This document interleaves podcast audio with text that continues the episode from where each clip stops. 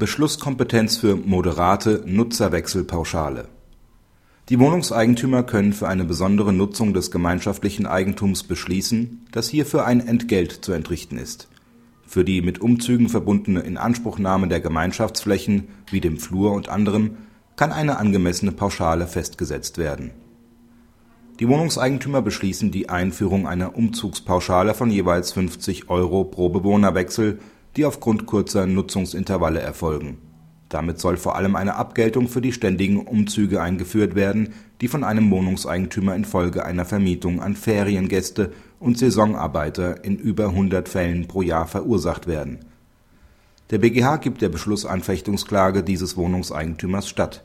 Allerdings hält der durch Mehrheitsbeschluss eingeführte maßvolle Umzugspauschalen nach § 21 Absatz 7 BEG für möglich diese Kompetenz entnimmt der Senat aus den Gesetzesmaterialien.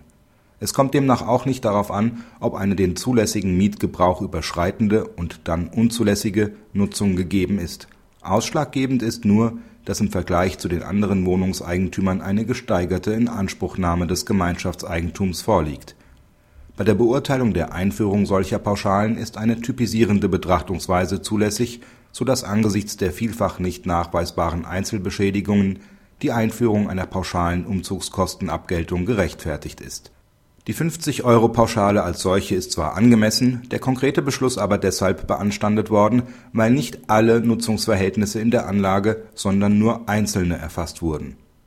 Praxishinweis Die Entscheidung schafft Klarheit, und zwar auch hinsichtlich der Höhe derartiger Pauschalsätze, noch angemessen aus der Entscheidung wird aber auch deutlich, dass solche Regelungen im Sinne des § 21 Absatz 7 WEG alle Wohnungs und Teileigentümer gleichermaßen treffen müssen.